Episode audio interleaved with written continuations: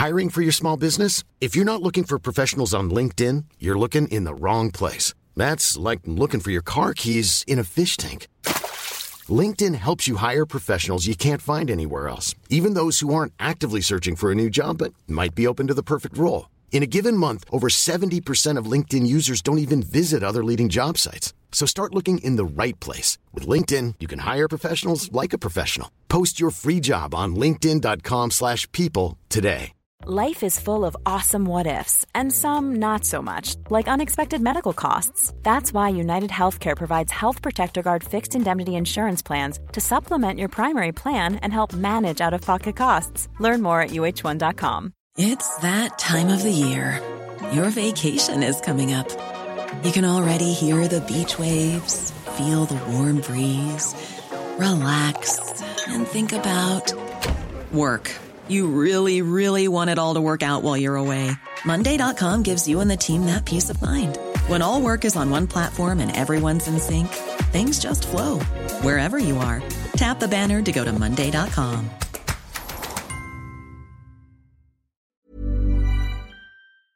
Palmemordet Mörkläggning med Gunnar Wall Del 4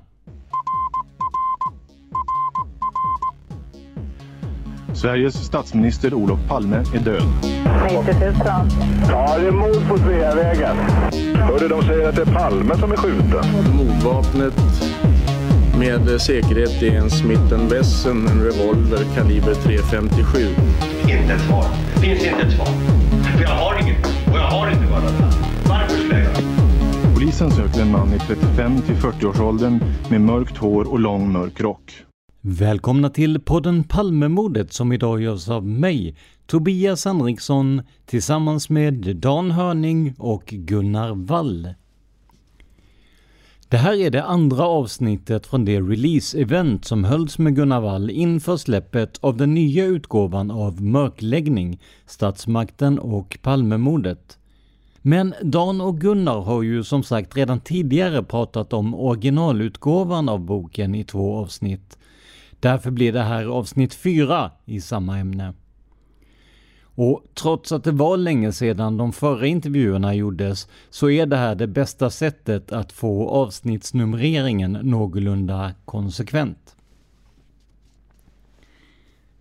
Jan Stocklassa, Lars Borgnäs, Schiafino Musara Kari Putiainen, Henrik Ankarsäter, tidigare spaningsledare Christer Petersson och självklart också Gunnar Wall.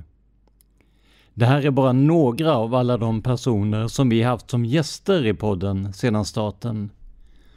Målet är att försöka få med fler personer som är insatta i ämnet och vi ger oss inte förrän vi haft med alla de stora profilerna på ämnet Palmemordet. Ett bra sätt att underlätta vår strävan att få in fler gäster och att göra en massa nya avsnitt, det är att gå in på patreon.com palmemodet och sponsra oss med en summa per utgivet avsnitt. Om du tycker Patreon är krångligt så går det också bra att donera via Swish. Kontakta oss i så fall i privat meddelande på facebook.com palmemordet för att få numret. Idag ska vi alltså fortsätta att lyssna på Gunnar Wall när han pratar om sin bok Mörkläggning, Statsmakten och Palmemordet. Och dessutom svarar han på ett stort antal av era lyssnarfrågor. Om ni vill se hela eventet som det såg ut när det sändes så finns det på Palmemordets Youtube-sida. Länken hittar ni på facebook.com palmemordet. Men nu över till själva eventet och första lyssnarfrågan till Gunnar. Eh, då skriver eh, Otto Ekevi, som för övrigt är, är väldigt engagerad i, eh, i, i Palmemordet själv, gör väldigt bra intervjuer. Han skriver så här. Eh, nu ska vi se, nu, nu, nu, blev det en fråga om utredningen här, men fråga till Gunnar. Vad, vad är den mest betydande handling du fått ut från Palmeutredningen sedan den lades ner? Undrar Otto Ekevi alltså. Det tänker inte jag berätta för att jag har faktiskt fått ut några handlingar som följd av tips från enskilda personer och det är sådana handlingar som jag tills vidare inte har lämnat vidare. Det, det, det, kan jag förstå. Om vi då ska ta en, en fråga som rörde just eh, Skandiamannen där så säger Gentle for you säger kan man föra i bevis att Stig Engström var med i någon form av komplott eller kan man bara misstänka det? Man kan väl säga så här att eh, det finns ju ganska många som tror att Engström var oskyldig till mordet och det är i alla fall vad jag tror. Det finns de som tror att han var ensam gärningsman eh, och det var ju åklagarens huvudsakliga tankegång. Sen finns det folk som har resonerat, inte minst naturligtvis utifrån det faktum att han, att han arbetade i Skandiahuset som ju hade varit ett stay behind högkvarter tidigare. Eh, att han skulle varit med i någon sorts komplott. Och det, och det är väl inte konstigt att sådana frågor kommer upp. Men eh, det är ju inte någonting som är bevisat på något sätt. Men eh, Olof Lövmo hänger på där. Han frågar, hade det varit känsligt att utreda SE Stig Engström bättre medan han levde? Eh, tror Gunnar Wall tidigare spanings eller förundersökningsledare medvetet bortsåg från märkligheterna i Stig Engströms vittnesmål eftersom det kunde leda vidare till att potentiellt känsliga uppgifter kom fram? Eller tyckte föregående spanings förundersökningsledare att det inte fanns någon bäring i caset mot SE? Eller var det föregående spanings förundersökningsledare inte kompetenta nog att se de besvärande omständigheterna för SE? Eh, så vad tror du, hade det varit känsligt att utreda eh, Skandiamannen medan han levde? Hade det överhuvudtaget gått tror du? Alltså man kan ju säga så här att det finns ju en diskussion om det var någon form av kuppövning i Stockholm under mordnatten.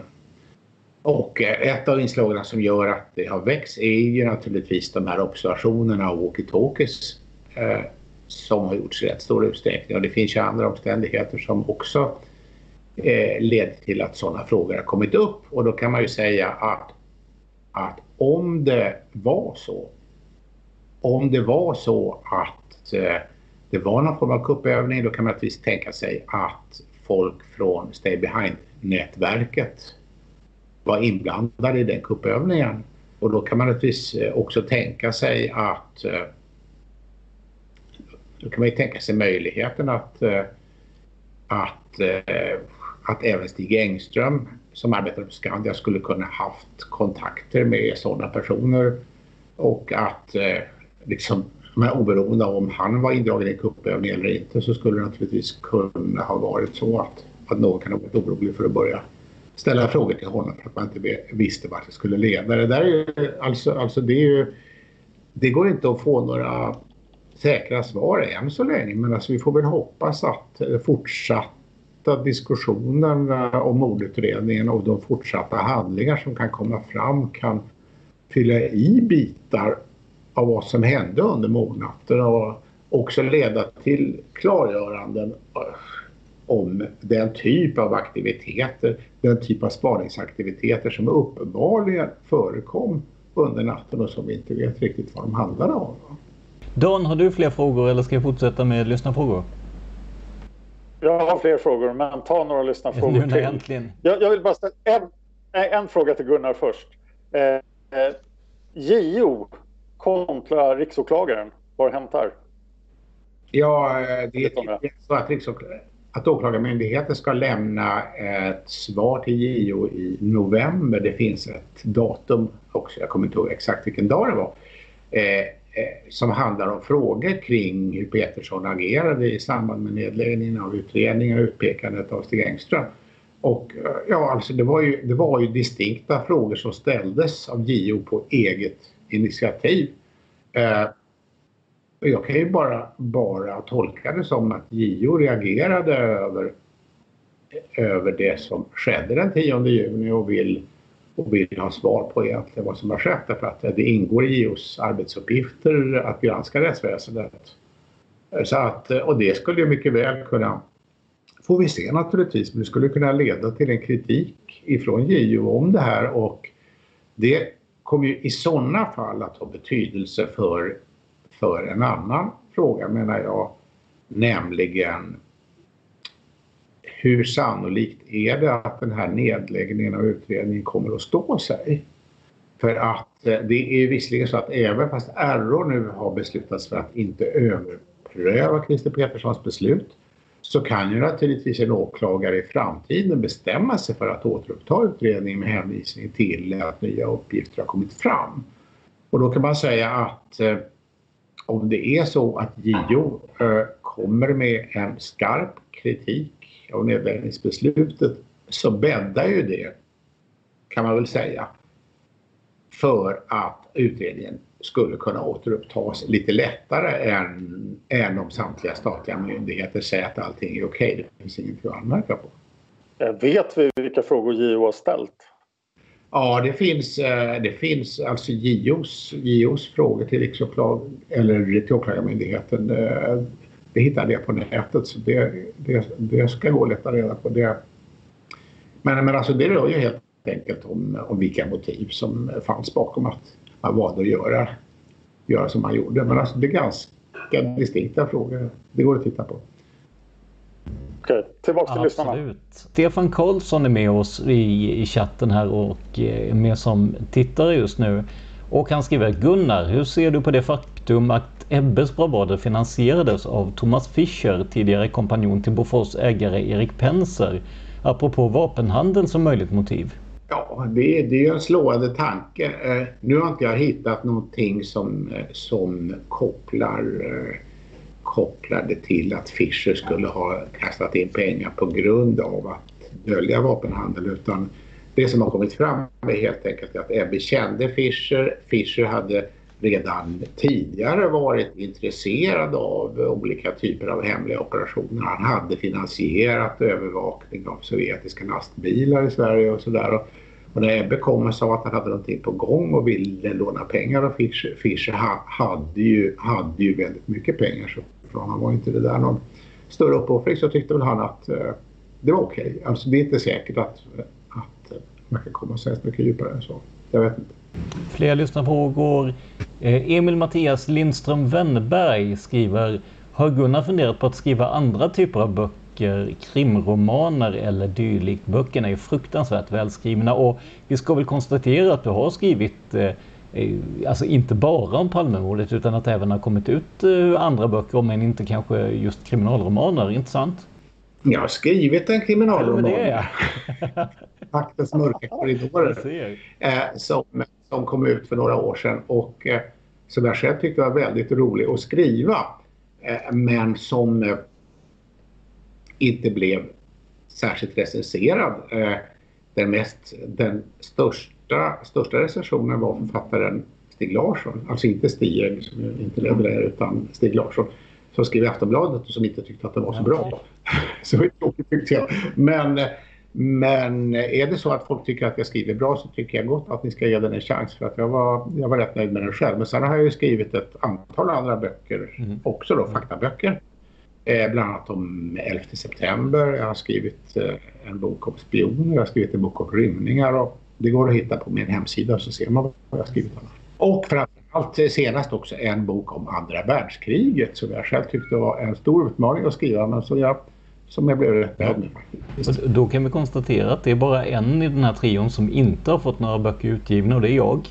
Eh, Dan har ju också lite författarskap bakom sig, ska vi säga så Dan? Vi lämnar det tycker jag. Eh, och så skriver Martin Gustafsson Gunnar Wall skriver i sin eh, bok Huvudet på en påle om ett lunchmöte han hade med Åke Rimborn där Rimborn hade med sig sina originalanteckningar från mordnatten från hans samtal med Lisbeth Palme. Och de samtalade om omständigheterna kring rikslarmet. Vet Wall om anteckningarna finns kvar i familjen Rimborns ägo? Nej, det vet jag inte, men det är en bra mm. fråga. Ja, det var eh, kort och koncist där. Susanne Wigfors skriver om det kommer fram nya uppgifter så kommer väl utredningen att återupptas. Men vem ska bedöma detta? Förmodligen, alltså jag antar bedöma uppgifterna och bedöma om det ska återupptas.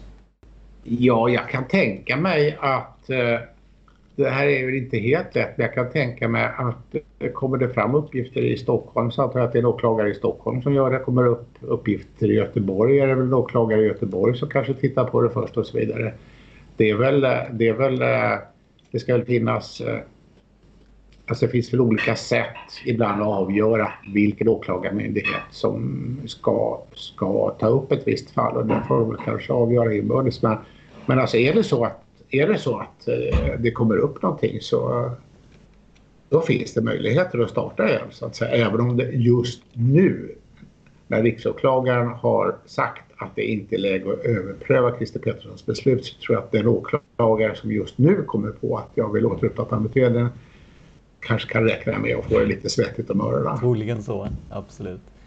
Susanne Wigfors hänger på en fråga här och skriver Gunnar, om man har nya uppgifter att lämna om Palmemordet, vem ska man då kontakta? För utredningen är ju nedlagd.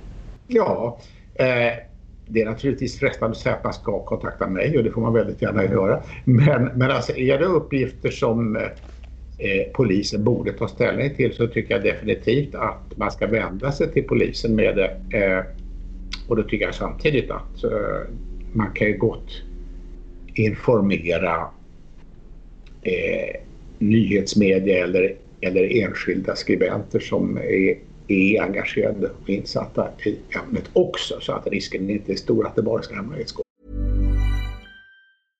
Hej, jag Ryan Reynolds. At Mint Mobile, we like to do the opposite of what Big Wireless does. They charge you a lot we charge you a little. So naturally, when they announced they'd be raising their prices due to inflation, we decided to deflate our prices due to not hating you. That's right. We're cutting the price of Mint Unlimited from $30 a month to just $15 a month. Give it a try at mintmobile.com slash switch. $45 upfront for three months plus taxes and fees. Promote for new customers for limited time. Unlimited more than 40 gigabytes per month. Slows. Full terms at mintmobile.com. Even on a budget, quality is non-negotiable. That's why Quince is the place to score high-end essentials at 50 to 80% less than similar brands. Get your hands on buttery soft cashmere sweaters from just 60 bucks, Italian leather jackets, and so much more. And the best part about Quince, they exclusively partner with factories committed to safe, ethical, and responsible manufacturing. Elevate your style without the elevated price tag with Quince. Go to quince.com slash upgrade for free shipping and 365-day returns. Life is full of what ifs. Some awesome, like what if AI could fold your laundry? And some, well, less awesome, like what if you have unexpected medical costs?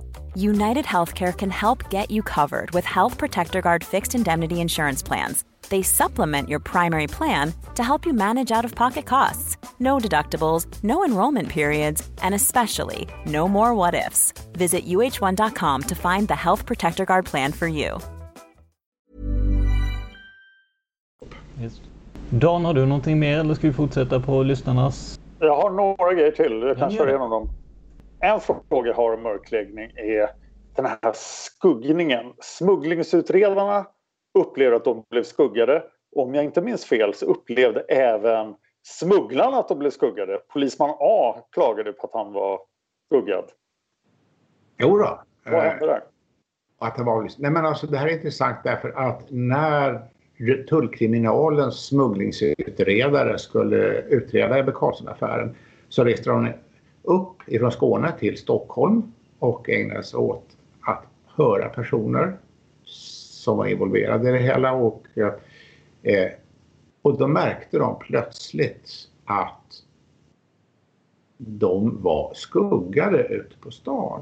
Och eh, där handlar det alltså om personer som själva utbildade andra i skuggning så att de hade ju bra koll på det här och de satte igång då för att se hur väl det stämde att eh, lura de här som skuggade dem så de liksom sprang runt och gjorde överraskande rörelser och såg vad som hände och så vidare. De ansåg sig få klara belägg för att det fanns folk som skuggade dem. Och det här kom till sist ut i media och det utbröt en stor debatt vilka som i sådana fall borde utreda detta. Och eh, det fanns nu en del indikationer på, förstod jag, att det kunde vara folk från Rikskriminalen som hade varit inblandade i skuggningen. Eh, eh, och då var det, kan man tycka, kanske mindre lyckat att det just var Rikskriminalen som fick hand om utredningen om de hade varit skuggade eller inte. Eh, och det som är lite lustigt i sammanhanget är kan man säga så här att i efterhand utreda om folk har varit skuggade är naturligtvis väldigt svårt. Så man skulle kunna tänka sig att Rikskriminalens utredning landade i att vi har tyvärr inte kunnat fastslå vad som eventuellt har skett. Men det som istället hände var att Rikskriminalens utredare kom med en rapport som entydigt och aggressivt hävdade att de absolut inte hade blivit skuggade. Vilket, vilket jag tycker var lite intressant i sammanhanget. Det står mer om det, det i min bok också. Men, men jag tyckte, tyckte det var ganska kul. Och det här, alltså det här ska man lägga samman med andra uppgifter som också förekommer i boken, till exempel eh, olika misstänkta former av olovlig avlyssning. Då till och med KG Svensson som var Palmeåklagare i början, han hade skäl att tro menar han att han och hans medåklagare Lage Karlström hade avlyssnats av Holmer på sina tjänsterum. Så att alltså det har funnits en massa frågeställningar av det här slaget som liksom ger en bild av att det kan ha förekommit olika typer av övervakning även i, alltså inom de mellan statliga myndigheter. Det är inte riktigt så det ska gå till kan man tycka. Men det är spännande. Gunnar, du hävdar att när polisen tog in Christer Pettersson mm. så hade de i princip ingenting alls på honom. Mm. Kan du utveckla? Jo, det kan jag faktiskt göra och eh, det här hade jag faktiskt fått höra i förväg att, jag, att det var en fråga som skulle kunna komma upp och det här är svårt att dra i huvudet så att jag ska faktiskt ta och eh, gå lite till en fusklapp här. Och då kan man säga, vad hade man på Pettersson? Ja, han var våldsbenägen. Det var känt. Han eh, kunde se otäck ut. Han hade tidigare dödat på en plats nära där Palme sköts till döds. Och han hade varit i centrala Stockholm under mordkvällen. Det visste man. Man, man spekulerade om att Pettersson kanske hade begett sig till Sigge Cedergrens bostad när han kom in till stan. Man var inte säkra på det men det var en möjlighet. Han kunde gett sig dit för att få knark. Om han gjorde det så kanske han hade träffat på makarna Palme vid bio. Som inte var långt ifrån Sigges bostad. Och, eh, och han kanske också var kvar i stan när filmen slutade. Det, är, det var oklart exakt när han åkte hem så det där visste man inte riktigt. Va? Men det, det var inte uteslutet. Och det kunde ju tänkas att han i sådana fall skaffade sig tillgång till en till exempel dagen ifrån. Och att han väntade ut, ut Palme vid Grand för att sen begå mordet. Och det här, ja, det var inte uteslutet men det var ju bara alltså tänk om alltihopa det här va. Det man inte hade, man kunde inte visa att Pettersson haft tillgång till vare sig Sigges eller någon annan revolver under mordkvällen. Man kunde inte fastslå att Sigges revolver var mordvapnet. Sen visade det sig att den inte var det. Det fanns alltså en revolver som var aktuell då, då i det sammanhanget. Men den hade inte använts till mordet. Man kunde inte heller, hade inte heller någon teknisk bevisning mot Pettersson som band honom vid mordet. Inte några krutstänk eller, eller någonting sånt där. Man kunde inte visa något motiv för honom att begå dådet. Eh, och de hade inte någon vittne som känt igen Pettersson vid Grand. De hade inte, inte heller någon vittne som känt igen honom i Dekorima-hörnan. Och de hade inte någon vittne som känt igen honom längs mördarens förmodade flyktväg. De hade inte någon vittne som hört dem säga att han hade skjutit Palme. Och de kunde inte bevisa att han var kvar i centrala Stockholm när mordet ägde rum. De kunde inte ens bevisa att han ljög när han sa att han var hemma redan 23.30 vilket han själv hade hävdat. Så att, eh, så att eh, de hade ingenting av det när de bestämde sig för att Pettersson skulle hämtas in på morgonen den 14 december. Sen fick de ju steg för steg en del uppgifter som så att säga fyllde i det här. Det fanns ju folk som ansåg sig nog ha sett honom vid Grand. Det kom ju senare upp folk som sa att, att Pettersson hade sagt både det ena och det andra om Palmemordet och så vidare. Men ingenting av det hade de när det hela rasslade igång. Och det är rätt anmärkningsvärt alltså. Det skulle jag säga att de hade egentligen ingenting. Men det var ju inget utan han var väl bara ombedd att förhöras upplysningsvis. Ja, alltså de hade lagt en lapp i lådan hos honom om att de ville att han skulle åka in den 14 och då, sen på morgonen ringde han till polisen och sa att han hade ont i knät så att eh, han orkade inte åka in, kan man inte ta det senare och då sa de nej men hörru du, det är inga problem, vi åker och hämtar dig.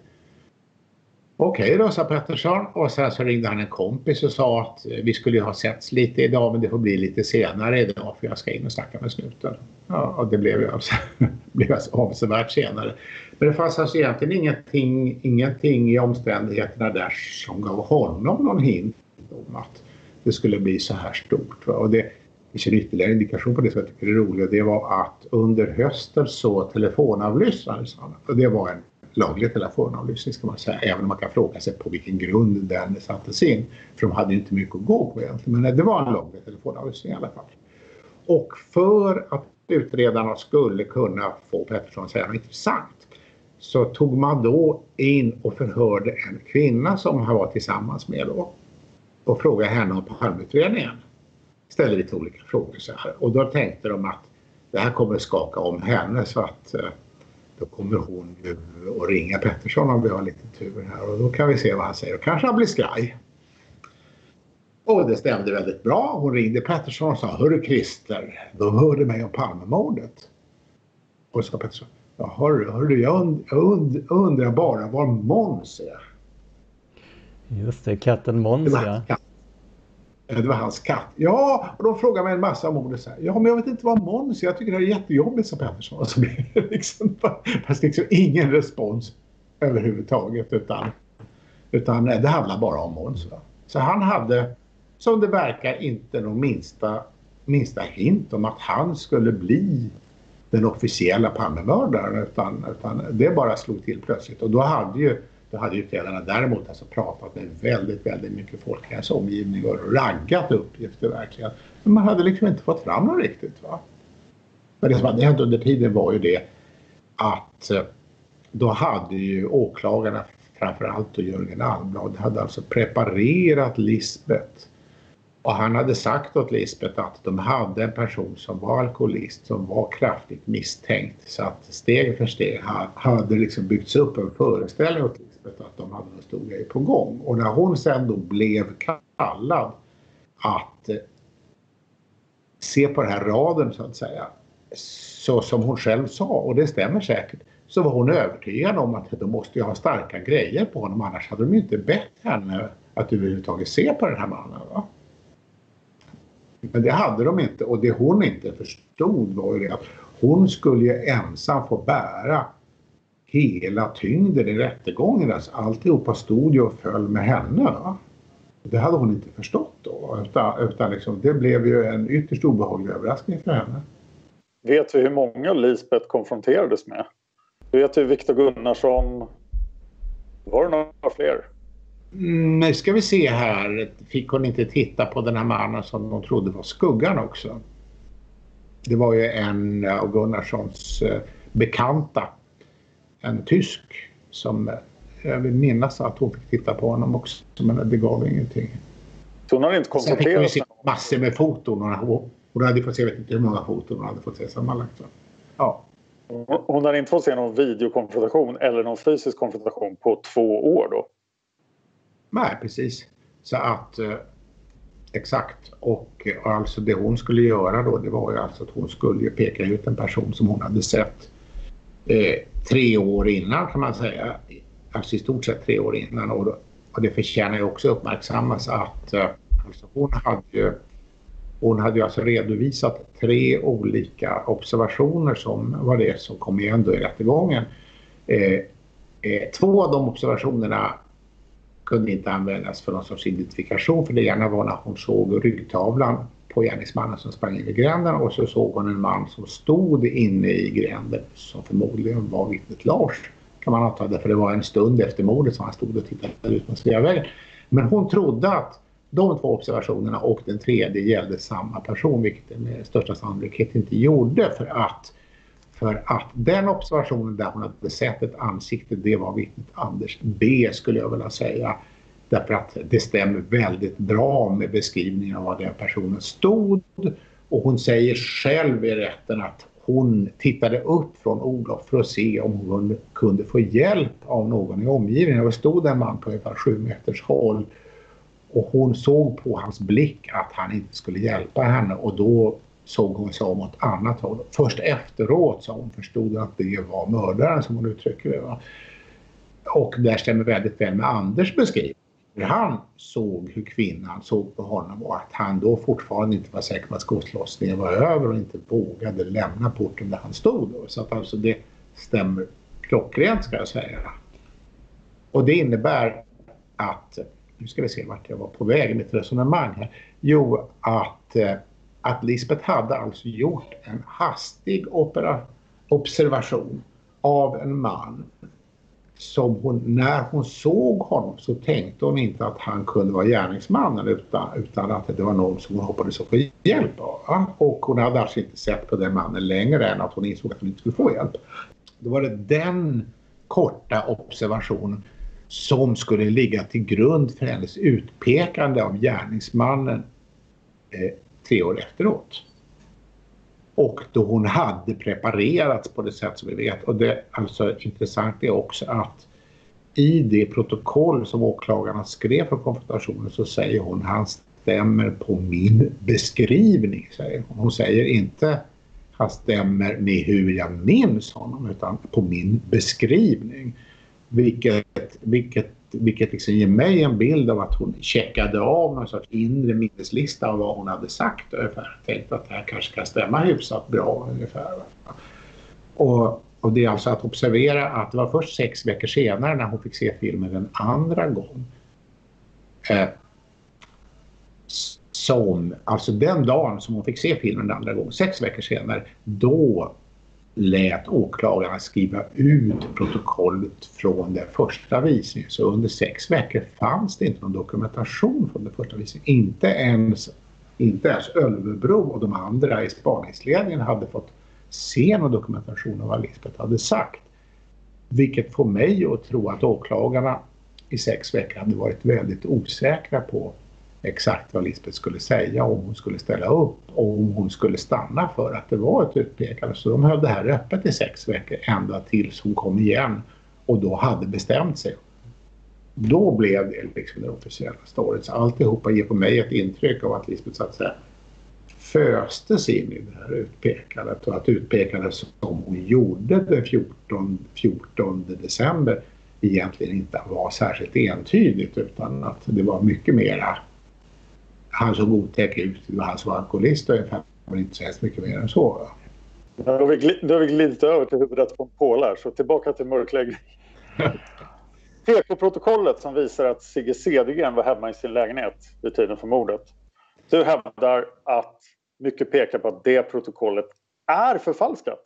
Ja, det skriver jag i mörkläggning skriver, skriver, skriver jag rätt så mycket om det och det är en ja, en av de mystiska sakerna i Pettersson-rättegången som är väldigt svår att få ordning på men som jag ser som ett tecken på någon form av fiffel som har förekommit i polisarbetet där och som det inte är helt lätt att förstå vad det ursprungliga syftet kan ha varit med. Men om man säger så här att Sigge Cedergren hävdade själv att han reste hem från spelklubben Oxen ett tag efter klockan 23 och att han passerar mordplatsen vid en tidpunkt som tycks ha varit eh, ja, alltså någon, gång, eh, någon gång efter mordet. Han talar själv om att han hörde sirener och så vidare och hans medresenär i bilen då, en kille som heter Reine, sa samma sak.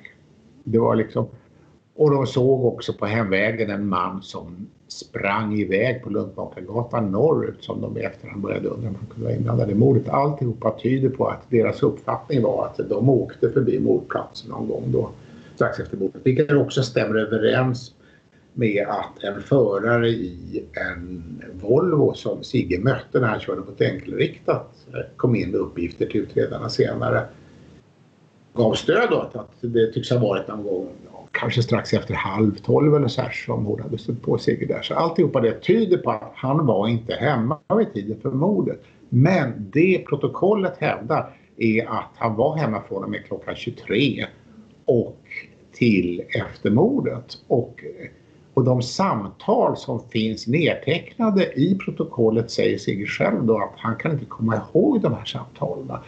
Och tittar man på innehållet i de samtalen pekar det också på att det här är inte samtal från den kvällen utan, utan jag får intrycket av att det här är någonting som har klippts ihop i efterhand. Vilket också understöds av att under hela det första året så agerar Palmeutredarna som om de tror på Sigges egen version. Sen våren 87 då säger de plötsligt att nu har vi hittat ett avlys, avlyssnings, avlyssnings, avlyssningsprotokoll här som visar att du var hemma vid tiden för mordet och då säger Sigge, nej men det kan jag väl aldrig tro, det är jättekonstigt säger Sigge och de tar upp olika saker. Han, han förstår ingenting. Och då undrar man hur kan utredarna i ett år ha missat det här? För det var ju så att de var intresserade av Sigge under det första året ganska mycket just för att Sigge hade den här uppgiften om den springande mannen och så här. Så han, han hade hört sig om och om igen. Men alltså det är någonting som händer våren 87 då plötsligt så dyker de här uppgifterna upp. Eh, de uppgifterna får betydelse i Pettersson-rättegången men jag tror inte att de kan ha fabricerats med syfte för det för att det är alltså våren 87 de här nya uppgifterna dyker upp och Pettersson var inte aktuell på det sättet då. Men det passade väldigt väl in i Pettersson-rättegången därför att där får man, där får man då uppgifter i protokollet om att eh, Roger Östlund ringde till Sigge klockan 23.15 till klockan 23.21. Och det blev väldigt användbart eftersom Roger till sist efter mycket påverkan från utredarna kommit fram till slutsatsen att han såg ju Pettersson utanför Grand medan han själv stod där inne och ringde. Och då har man ju en väldigt snygg grej. Jaha, då var Pettersson där när makarna Palme lämnade bion. Och det är alltså eftersom Roger kände Pettersson väl var ju hans utmanare i det avseendet liksom, liksom mer intressant än andra vittnen. Som hade för sig att de kunde ha sett en sån person och inte kände Pettersson så att säga. Men det intressanta är att alla vittnena som har berättat om Roger som var inne på bion den kvällen, de placerar honom till att han kom in på bion efter 23.30. Och det betyder att han kan inte ha stått där inne och sett Pettersson stå utanför omkring 23.15 eller något sånt där. Utan, utan av allt att döma så kom han in efteråt.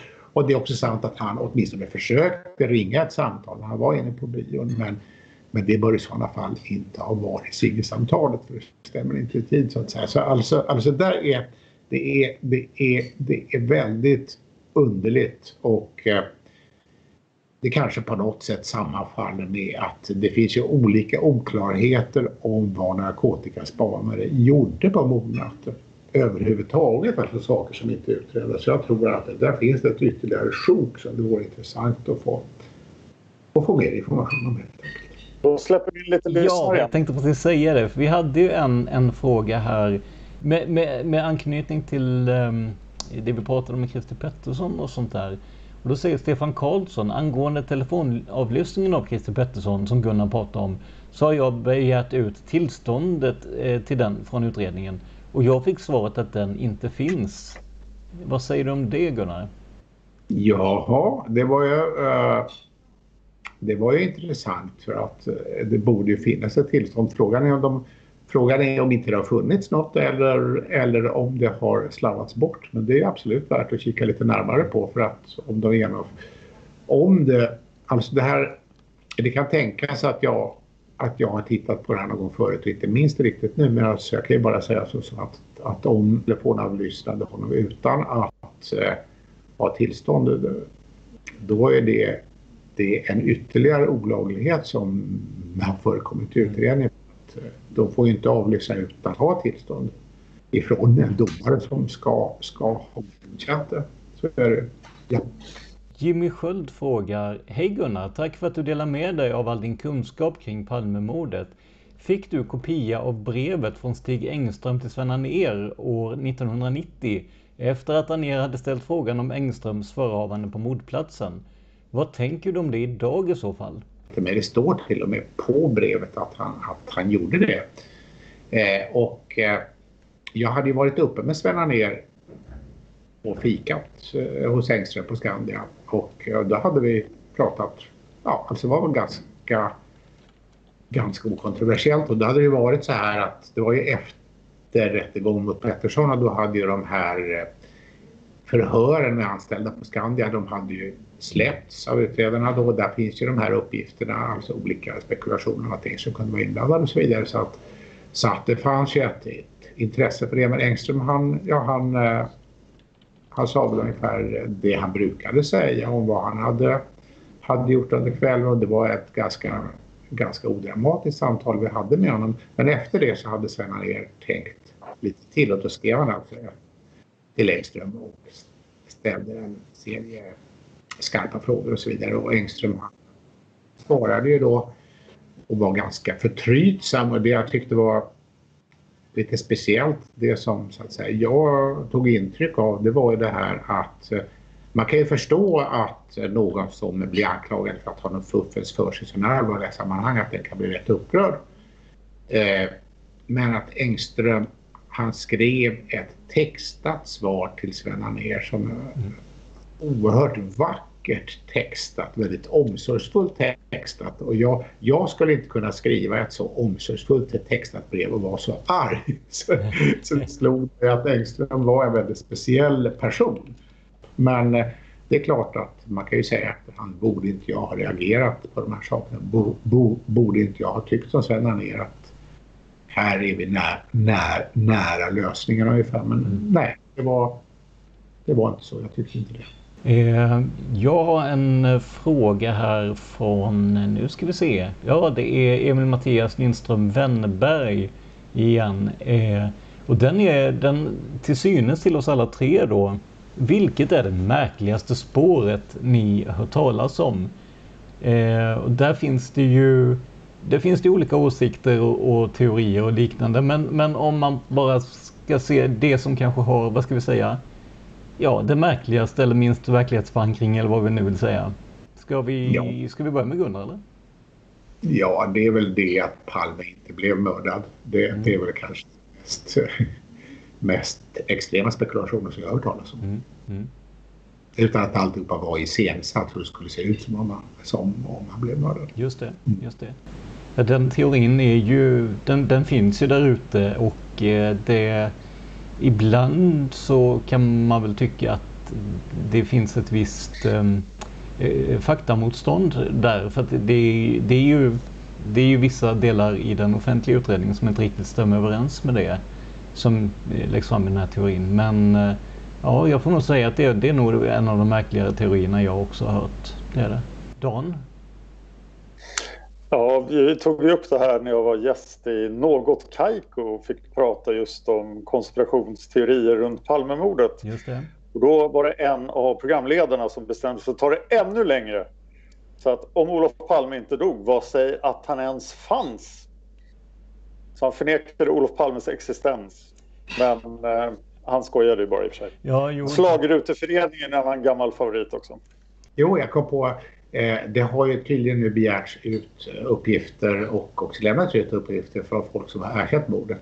Och eh, jag har bara fått det refererat, jag har inte läst det, men det var tydligen någon som var tre år vid tiden för mordet som har erkänt. Och det måste man väl också anse är en ganska extrem variant i sammanhanget. Mm. Jag började läsa igenom det men det var väldigt mycket psykisk ohälsa ja. dem.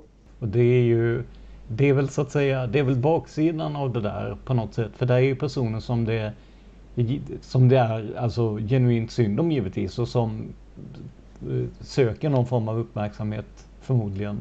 Och som då hamnar i en utredning för att man, att man själv inte mår bra.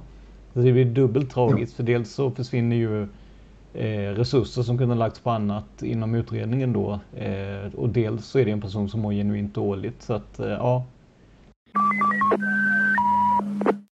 Med det sagt lämnar vi Gunnar Wall för den här gången, men kommer tillbaks även nästa vecka med ännu mer från den här sändningen. Glöm inte att du kan sponsra oss på patreon.com palmemodet för att vi ska kunna komma ut varje vecka och för att vi ska kunna ta oss an fler stora spår. Och så glömmer du inte heller att du kan se hela eventet på cirka tre timmar på Youtube. Länk finns på vår Facebook-sida facebook.com palmemordet. Där kan du också diskutera avsnitten med mig och Dan. Det här var veckans avsnitt av podden Palmemordet som idag gjordes av Tobias Henriksson, Dan Hörning och Gunnar Wall.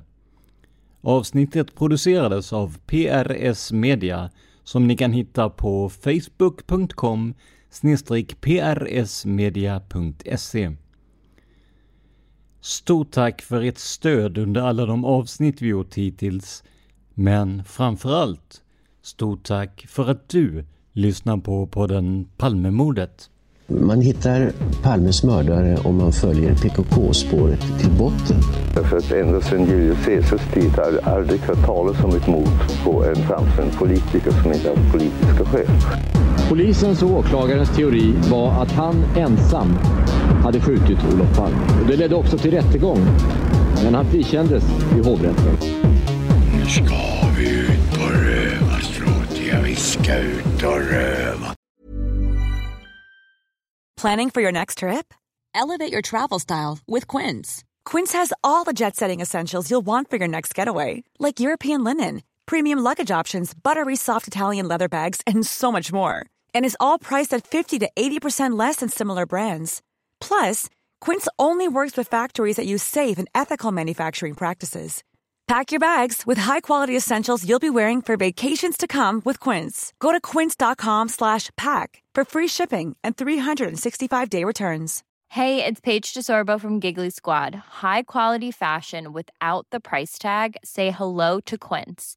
I'm snagging high-end essentials like cozy cashmere sweaters, sleek leather jackets, fine jewelry, and so much more. With Quince being 50 to 80% less than similar brands.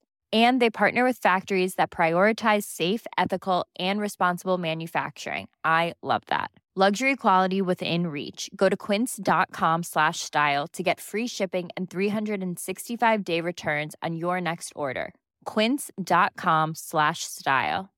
It's lunchtime at Tim Hortons, and we're serving up a special deal just for you. Our new $5.99 lunch deal includes your choice of any lunch sandwich and a side of crunchy kettle chips. Because what's lunch without a little crunch? And the sandwich choice is all yours, like a ham and Swiss, Chipotle chicken wrap, BLT, and more, made to order just the way you like it. Tim Hortons new lunch deal. Simple, delicious, and just $5.99. Now that's a good deal. Only at your neighborhood Tim's. U.S. only. Price and participation vary. Terms apply.